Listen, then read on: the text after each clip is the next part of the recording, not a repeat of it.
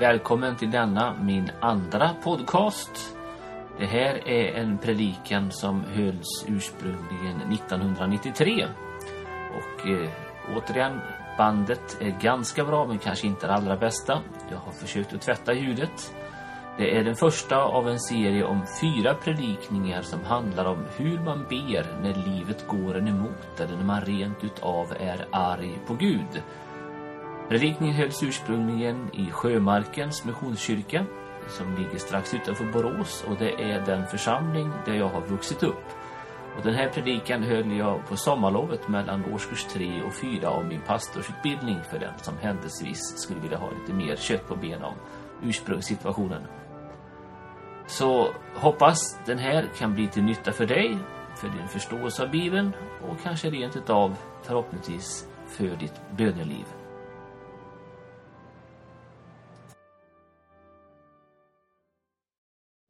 Jag har haft en väldigt, väldigt bra vår. Och hittills den här sommaren varit jättebra för min del. Och är det någonting jag har lätt för just nu så är det att sjunga lovsång. Men jag tänker inte predika om lovsång idag, utan jag tänker predika om, får man säga, dess motsats. Den bön man ber när man är arg och ledsen. Den bön man ber när man är uttröttad eller slutkörd. Den ben man ber när man har ont, när man lider. Den bön man ber när man är tyngd av sorg eller sönderpressad av oro. Den bön man ber när man egentligen inte kan be eller orkar be. Hur ber man då? Jag kallar det för klagomålsbönen. Teologerna har valt att kalla det här för klagosalm, men eh, de flesta av oss sjunger väl inte de här som jag kallar för klagomålsbönen. Vi ska läsa några exempel på hur det kan låta i Bibelns klagoböner. Jag tänker hoppa lite grann och det kommer nog gå rätt snabbt, men om du vill kan du försöka följa med om du har med dig en bibel. Vi börjar med Psaltaren 77 och 4. Psaltaren 77 och 4.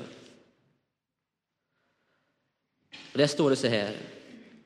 Jag vill tänka på Gud och klaga jag vill utgjuta mitt bekymmer, till min ande försmäktar.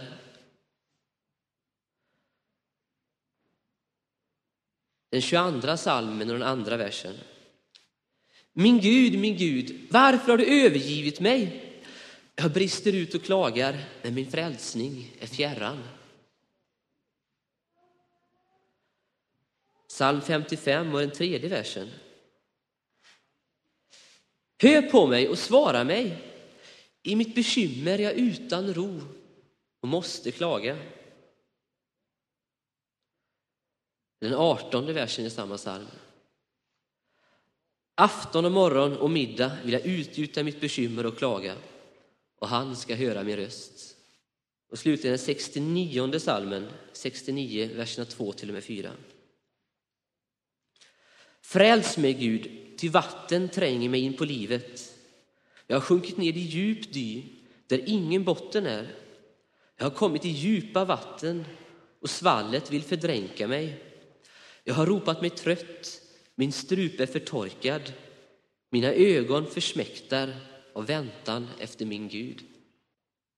Det här är böner eller salmer skrivna av människor som befinner sig i lidande. Och de finns med i Bibeln för att vi ska få använda oss av dem när vi befinner oss i samma situation.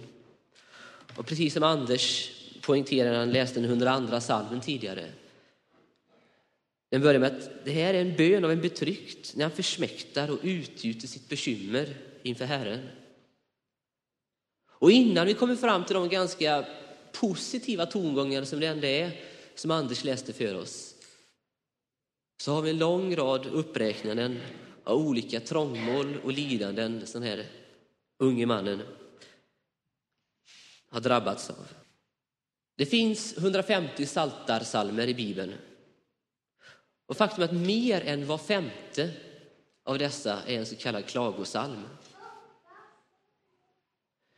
Men om man jämför med den här psalmboken, här hittar jag 784 stycken psalmer och sånger. Det är fem gånger så mycket, lite drygt. Då tänkte jag att när vi ska välja psalmerna till gudstjänsten idag, Ska vi hitta någon psalm som är någon form av klagosalm? Det hade ju passat bra. Jag hittar inte en enda. Och det finns mer än 30 klagosalmer i Psaltaren och 150 så finns det noll av 784, mig veteligen. Om det är någon som hittar någon här i så kom gärna fram och tipsa mig om det. Det vore bra. Men de är inte många i alla fall. Det är jag säker på. Så det verkar som vi har lite svårt för detta. De här klagosalmerna i Psaltaren, de är till för att användas av olika individer. Det finns salmer för självförvållat lidande, det finns oskyldiga människors lidande, det finns lidande som drabbat hela folket. Och alla möjliga olika situationer. En psalm, en äldre man eller kvinna klagar över att han håller på att tappa sin kraft och sin förmåga i samband med att han åldras. Däremot har vi någonting annat här i, som jag personligen kallar för tvivelsalmer. Salmen vars text går ungefär Jag kom inte hit för att jag tror. Eller Jag skulle gärna vilja våga tro. Och de behöver inte vara fel, men det är skillnad mellan dem och klagosalmerna i Bibeln. Och det är att de här salmerna i vår psalmbok, det är det relationen till Gud man är osäker på. Men i Bibelns klagomålsböner så är man aldrig osäker på vad man har sin Gud. Man vet att man står i en relation till honom. Och tanken på att lämna Gud är fullständigt otänkbar, den förekommer inte. Man klagar på honom. Man utgjuter sitt bekymmer inför honom. Man lämnar honom aldrig. Och en sån här typisk klagosam den innehåller lite olika moment. För det första så har vi då rena klagomål där man talar om vad det är för bekymmer man har och hur man känner inför det här. 55 salmen, vers 5-6. Mitt hjärta ängslas i mitt bröst och dödens fasor har fallit över mig. Fruktan och bävan kommer över mig och förfäran övertäcker mig. Eller den 22 salmen, verserna 7 till och med 9. Men jag är en mask och inte en människa till vanära bland män, föraktad av folket. Alla som ser mig smädar mig. De spärrar upp munnen, de skakar huvudet. Befall dig åt Herren, han må befria honom, han må rädda honom, till han har ju behag till honom. Och detta blandas med förtvivlade rop och frågor. Psalm 13 och 2. Hur länge, Herre, ska du så alldeles glömma mig? Hur länge ska du dölja ditt ansikte för mig? Eller 44 och 24. Vakna upp! Varför sover du, Herre? Vakna, förkasta oss inte för alltid. För de av er som är vana att läsa Bibeln så jämför gärna den känslan att Gud sover med Jesu liknelse i Lukas 11, verserna 5-8. Och självklart så kommer det också då bönerop om hjälp i den situation man befinner sig i. Psalm 5 en gång till, verserna 2 till och med 3. Lyssna till mina ord, Herre. Hör min suckan. Ge akt på mitt klagorop, du min konung, min Gud. Ty till dig vill jag ställa min bön. Lite mer rakt på sak, psalm 38, 22. Överge mig inte, Herre, min Gud. Var inte långt ifrån mig. Eller som han ber som klagar över att han höll på att sjunka ner i djup dy och dränkas i stora vatten. Låt inte vattensvallet dränka mig eller djupet uppsluka mig och låt ej graven tillsluta sitt gap över mig. Svara mig, Herre, till god är din nåd. Vänd dig till mig efter din stora barmhärtighet. Och precis som när vi lider och när vi är förtvivlade så pendlar de här bönerna från hopp till förtvivlan och tillbaks till hopp och förtvivlan nästan i samma andetag. Jag misstänker att det är därför som så många olika människor under årens lopp har funnit en tröst i de här psalmerna och kunnat använda dem. Men det finns vissa andra böner som jag måste säga att personligen har haft väldigt mycket mer problem med. Och det är böner om att Gud ska krossa de fiender som det handlar om. 74 och 11. Varför håller du tillbaka din högra hand? Dra den fram ur din barm och förgör dem. Eller en inte särskilt from bön av en man som Bibeln säger var efter Guds eget hjärta, av kung David.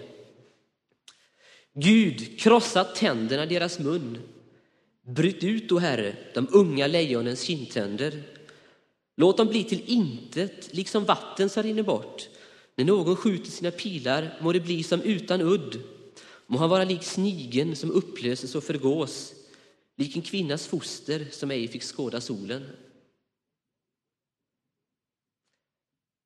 Hängde ni med på det hela början? David ber Gud slå fienderna på käften. Det är ungefär så man i dagens svenska skulle översätta det hebreiska uttrycket. Slå dem på käften, Gud.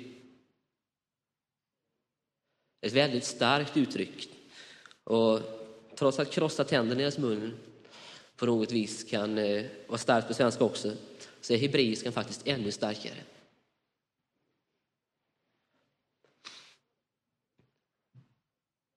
Jag har tänkt hålla en serie om de här predikningarna, eller om de här salmerna. Så ni som är intresserade av hur jag ser på just den här sortens böner, ni får faktiskt återkomma om två veckor. Det sista inslaget, som jag också haft problem med, jag tänker förklara lite längre fram. Och det är när eh, den bedjande lovar Gud att om du hjälper mig, om du räddar mig, om du ger mig seger i det här, så kommer jag att lovsjunga dig och då kommer jag infria mina löften inför dig och då kommer jag predika om dig inför människor. Ett exempel från den 22 salmen, verserna 22 till 23 och den 27 versen. Fräls mig från lejonets gap. Ja, du bönhör mig och rädda mig undan vildoxarnas horn. Då ska jag förkunna ditt namn för mina bröder. Mitt i församlingen ska jag prisa dig. Genom dig ska min lovsång ljuda i den stora församlingen. Mina löften får infria inför dem som fruktar honom.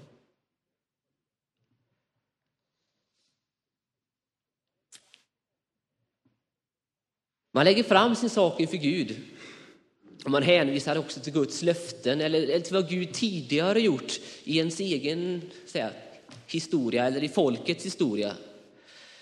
Man klagar på Gud ibland att du förde oss ut ur Egypten och du räddade oss och, och du, du lät oss komma in i det här landet och du lät oss komma till ro här inne. Och, och sen så helt plötsligt så förlorar vi alla krig och vi blir trängda och vi kan inte hålla gudstjänst. Och en psalm klagar man över att samtliga gudstjänstlokaler i landet har blivit nedbrända. Och vad menar du Gud? Vi begriper oss inte på dig. Och man pläderar för sin sak, man tar till varje tänkbart argument, både goda och dåliga. Och inte nog med att man klagar inför Gud, man klagar på Gud. Men nu har du förkastat och förskjutit din smorde och handlat i vrede mot honom. Du har upplöst förbundet med din tjänare. Du har orenat hans krona och kastat den ner till jorden. Du har brutit ned alla hans murar. Du har gjort hans fästen till spillror. Alla som går vägen fram plundrar honom. Han har blivit vanära för sina grannar.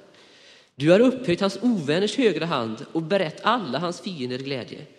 Ja, du har låtit hans världsägg vika tillbaka och inte hållit honom uppe i striden. Du har gjort slut på hans glans och slagit hans tron till jorden. Du har förkortat hans ungdomsdagar. Du har höljt honom med skam. Hur länge, o Herre, skall du så alldeles fördölja dig? Hur länge ska din vrede brinna som eld?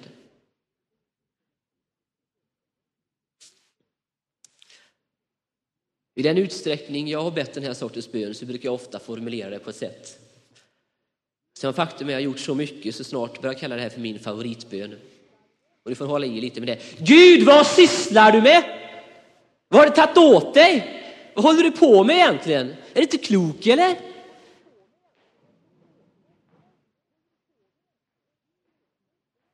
För säkerhets skull ska jag tillägga att jag har en B-variant av den här bönen.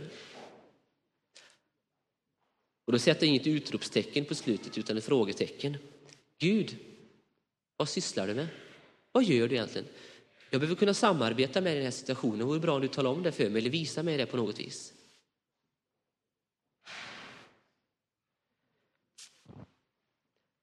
Hur ser då Gud på den här sortens bön? Vad tycker han om den? Hur reagerar han på den?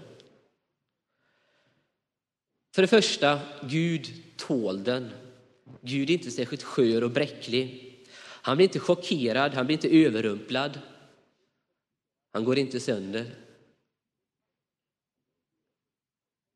Faktum är att Gud mer än tål den. Han tar emot den här bönen. Han tar inte illa upp. Han vet vad vi känner och han vill att vi ska utgjuta det. Så för det tredje, Gud vill den. Vi kommer snart att se på de olika sätt som den här bönen faktiskt är nyttig på. Men eftersom den här bönen är nyttig, eftersom den har en funktion att fylla, så vill Gud att vi ber den här klagomålsbönen. Hur kan vi veta det? Han har gett oss över 30 stycken förebilder i sitt eget ord. Och ingenstans står att den här sortens böner får ni inte be. Det här är dåliga exempel, akta er för de här bönerna. Det står inte.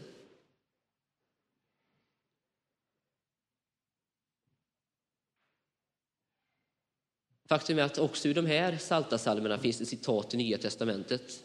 Så Nya Testamentets författare säger att det här är Guds ord. Så därigenom så vet vi att han har uppmuntrat oss till det. Och då får vi också räkna med att han ger oss till och med kraft till att be den här sortens böner. Guds heliga ande, bönens ande, hjälper oss att vara ärliga inför Gud.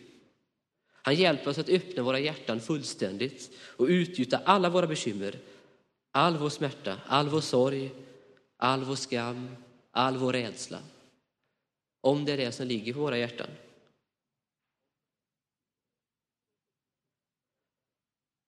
Hur ska vi då se på de här löftena om att lyda Gud eller sjunga lovsång till Gud om man blir hjälpt? Är inte det någon form av inställsamhet, man på något vis försöker köpa Guds välvilja? Det kan vara det, men det måste inte vara det.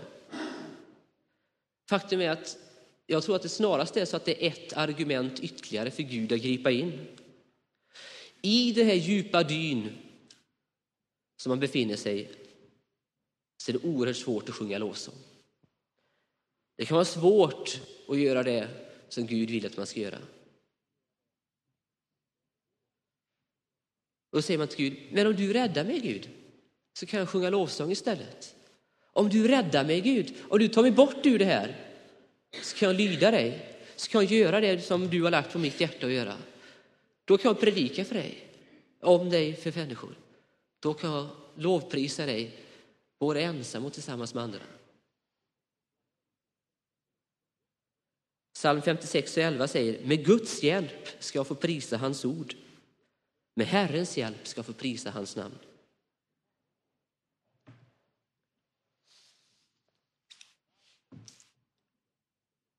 Varför tycker då Gud om de här bönerna? Vad ligger det för evangelium, vad ligger det för gott budskap i att de här finns?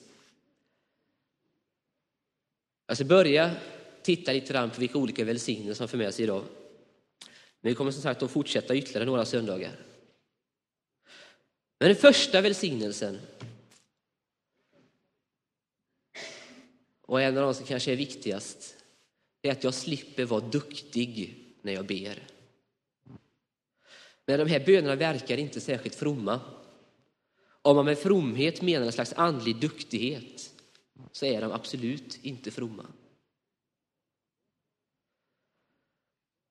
Och det som är evangeliet med det här, det är att när vi gör vår tjänst inför Gud till duktighet, till någonting bra, en god aktivitet vi ska syssla med, då skapar det inte helighet i våra liv utan präktighet och det är någonting helt annat. Faktum är att då blir vi istället för hela mogna människor fariseer. Om vi lyckas nå upp till våra ideal. Men om vi misslyckas, ja då blir vi misslyckade stackare som aldrig kan få någon frimodighet inför Gud eller som aldrig vågar tjäna Gud med hängivet och fullt hjärta. Som inte vågar stå upp för vår sak när det krävs. Bönen är inte en fråga om duktighet utan om ärlighet. Bönen är inte en fråga om duktighet utan om ärlighet. Min definition på bön den lyder så här. Jag talar om för Gud vad jag har på mitt hjärta och han talar om för mig vad som ligger på hans. Så när jag är glad, då är lovprisning uttrycket vad som ligger på mitt hjärta. Är jag vördnadsfull inför Gud, då blir tillbedjan det naturliga uttrycket. Om jag har någonting som ligger på mitt hjärta som jag vill ha eller behöver, då är önskemålet det naturliga uttrycket vad som ligger på mitt hjärta. Om det är någon som jag tycker om eller någon annan som jag känner ansvar för som har det svårt och det ligger på mitt hjärta, då blir förbön det naturliga uttrycket. Och är jag i nöd, om jag lider, när jag är nedtryckt av olika saker, då blir klagomålsbönen det naturliga uttrycket. Bön är öppenhjärtlighet inför Gud. Vad vi kan lära oss av klagosalmerna är att vi aldrig kan gå för långt i vår öppenhjärtlighet. Kan aldrig gå för långt. Den första välsignelsen, jag slipper vara duktig och istället för att vara ärlig. Och den medförde nästa välsignelse. Och det är den här, jag orkar alltid be. Den första reaktionen i saltaren på lidande är inte lovsång utan klagosång. Den första reaktionen på lidande i saltaren är inte lovsång utan klagosång. Men jag vill gärna skynda mig att tillägga att om den heliga Ande ger dig kraft att sjunga lovsång så gör det naturligtvis i alla lägen. Det finns inget förbud mot eller något sådant. Men det kan också vara en tröst att veta att den första reaktionen är inte lovsång utan klagosång. Och jag har mött en del människor, jag har själv trott om mig själv, att jag inte orkar be. Nu är det för jobbigt, nu är det för tungt. Men det är inte sant. I en svår situation så orkar man kanske inte be om bönen är en fråga om duktighet. Om bönen är en fråga om duktighet, då orkar man inte alltid be. Men om det är en fråga om ärlighet, då orkar man be. Så jag ska säga så här, kan du inte be med förväntan på Gud, så be med din förtvivlan. Kan du inte be med tacksägelse, så be med klagosång och suckar. Kan du inte be med ord, så be med din gråt. Varje natt fuktar jag min säng och väter min bädd med tårar. Herren har hört min högljudda gråt. Från psalm 6. Och kan du inte be med gråt, be med tystnad. I nöden har de nu sökt dig. De har utgjutit tysta böner när din tuktan kom över dem. Står det i Jesaja 26 16. Därför du orkar alltid be. Varför? För att just till detta, att vara ärlig inför Gud, just till det får vi kraft av honom. Vi får kraft till att vara ärliga, men det är inte alltid vi får kraft till att vara duktiga.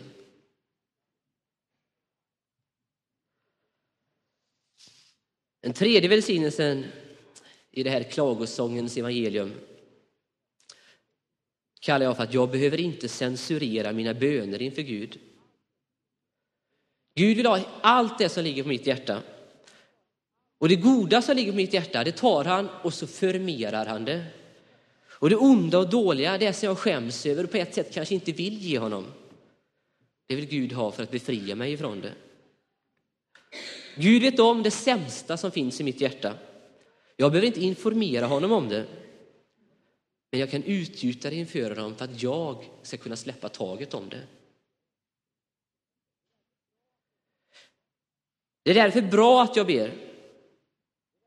Det kan vara bra att jag ber, även när jag be, det jag ber om är dåligt. Och det befriar mig från allt krångel med någon form av bönecensur. Där jag ska då gallra ut vad jag säger till Gud och vad jag inte säger till Gud.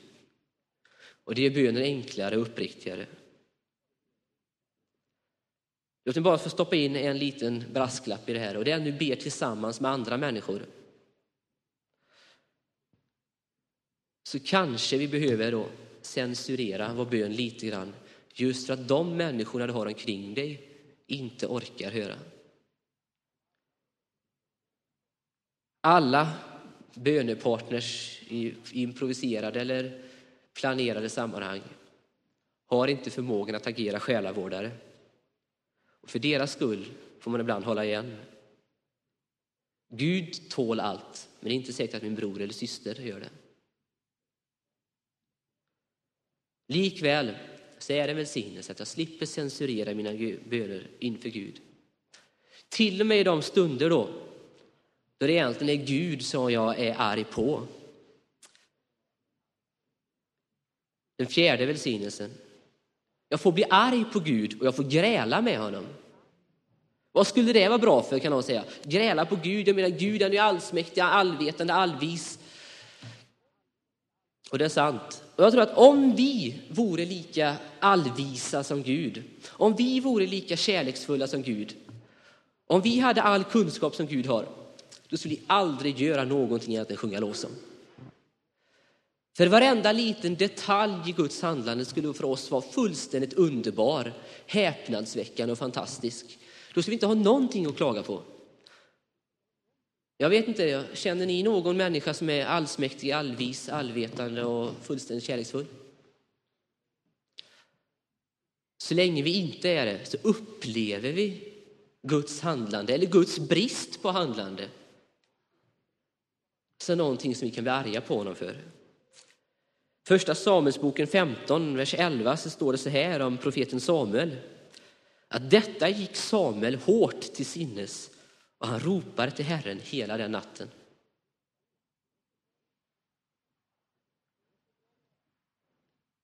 Och Det som är bra med det här är att just genom att gräla på Gud, just genom att bli arg på honom, just genom att gå i närkamp med honom, som vi verkligen lär känna honom. Man är inte känna Gud i en distanserat studium. Att känna någon person och ha faktamässig kunskap om honom, det är långt ifrån samma sak även när det gäller människor. Och det är minst lika mycket så att den skillnaden mellan att känna och ha kunskap också gäller på Gud.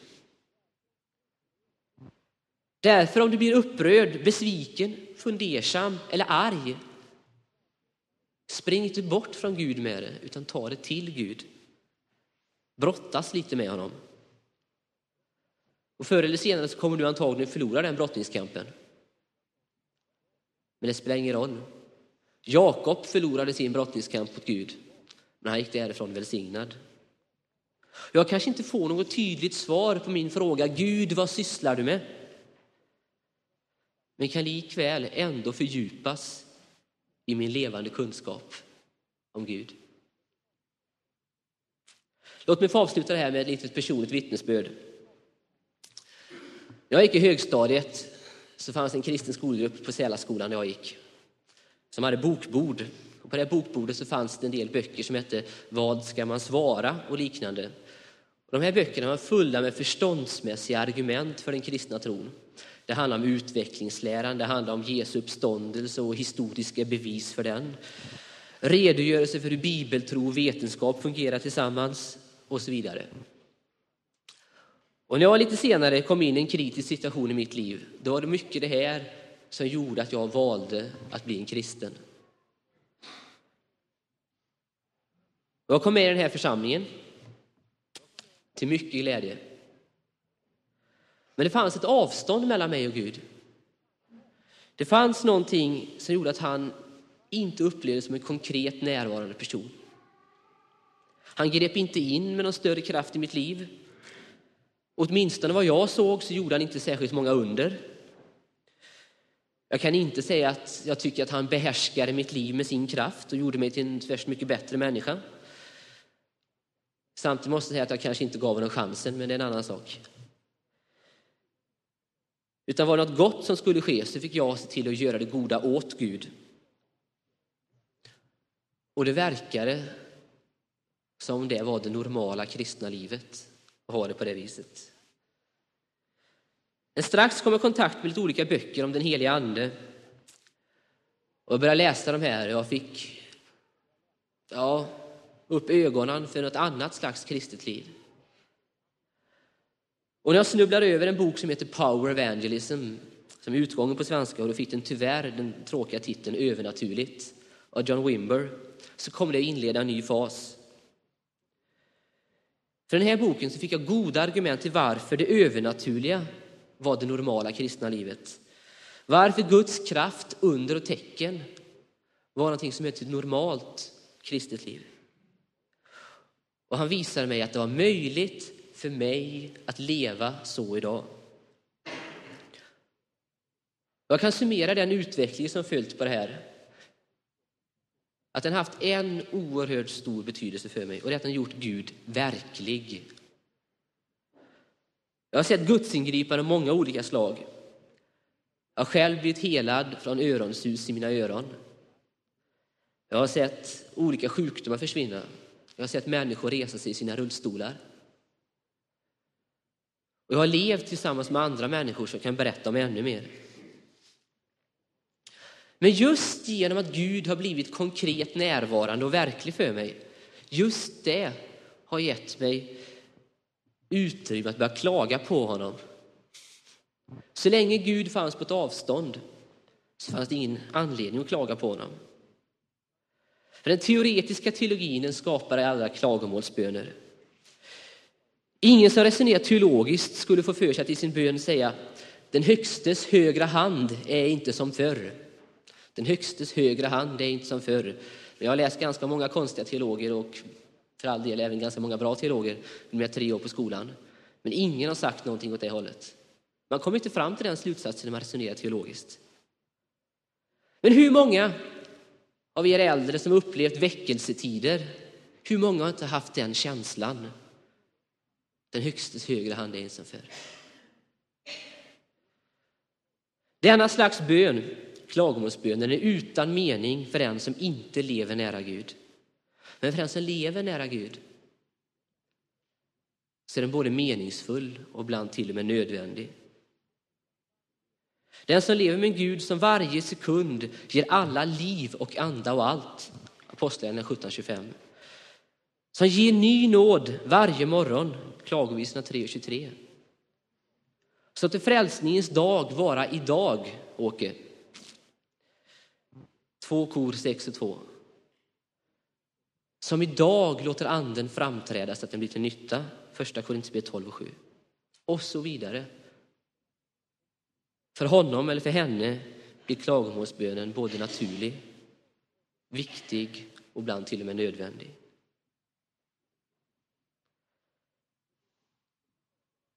låt mig som slutsumma säga så här. Den här bönen medför välsignelser. Ja, till och med det faktum att vi får be den är en välsignelse.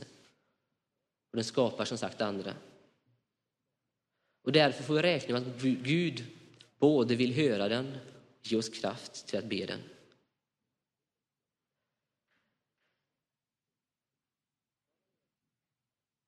För de av er som vill följa med lite bättre i sina biblar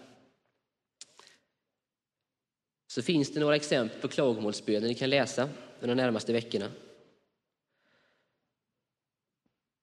Psalm 6, 13, 22, 38, 44 och framförallt från tionde versen och framåt.